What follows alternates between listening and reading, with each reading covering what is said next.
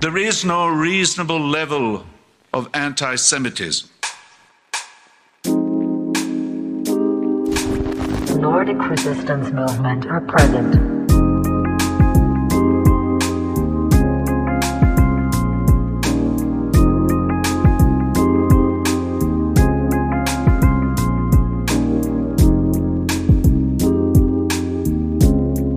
After 20 years of Globohomo trying to make Afghanistan into a gay democracy, complete with soy feed and OnlyFans, the Taliban has now in less than two weeks taken back their country. On August 15th, 2021, the following statement could be read on their website.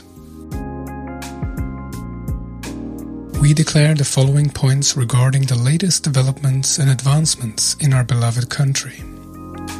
Number one, the areas and provinces that come under the control of the Islamic Emirate are in fact an obvious sign of the popularity and acceptance of the Islamic Emirate among the people. Such great and rapid progress cannot be achieved by force without the help of Allah the Almighty and our nation's great and broad support, to which we shall thank, all in words and deeds. Number two, the Islamic Emirate once again assures all its citizens that it will, as always, protect their life, property, and honor and create a peaceful and secure environment for its beloved nation. In this regard, no one should worry about their life. Number 3. The Mujahideen should pay utmost attention to the treasury, public facilities, government offices, equipment related to government offices, parks, roads, bridges. All these are the trust and property of the nation. No personal tampering or negligence should be done with them. Rather, it should be strictly guarded. Number 4.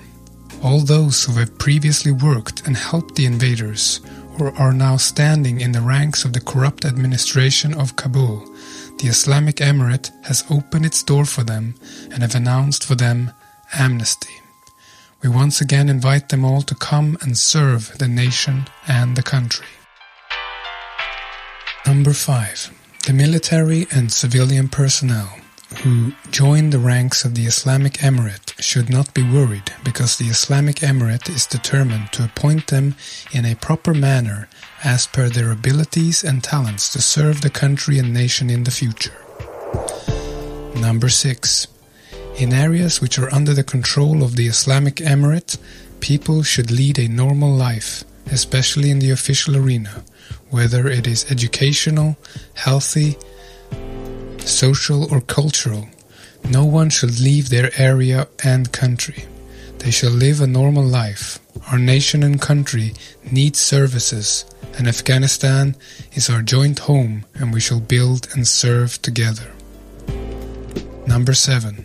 Recently, the Kabul administration has launched a series of baseless and vicious propaganda in which they have given false information to some countries and international organizations.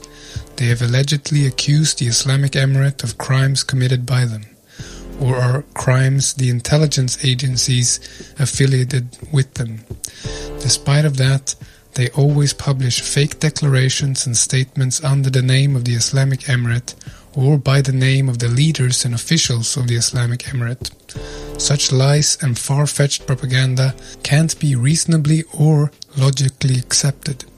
Sometimes they claim that the Islamic Emirate forces people to marry their daughters or to marry them to the Mujahideen. Sometimes they say that the Mujahideen are killing people, killing prisoners and captives, and allegedly making various accusations which are baseless.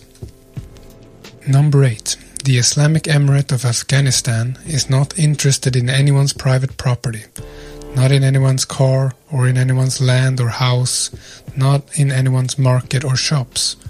Rather, it considers protection of lives and properties of the nation its primary responsibility.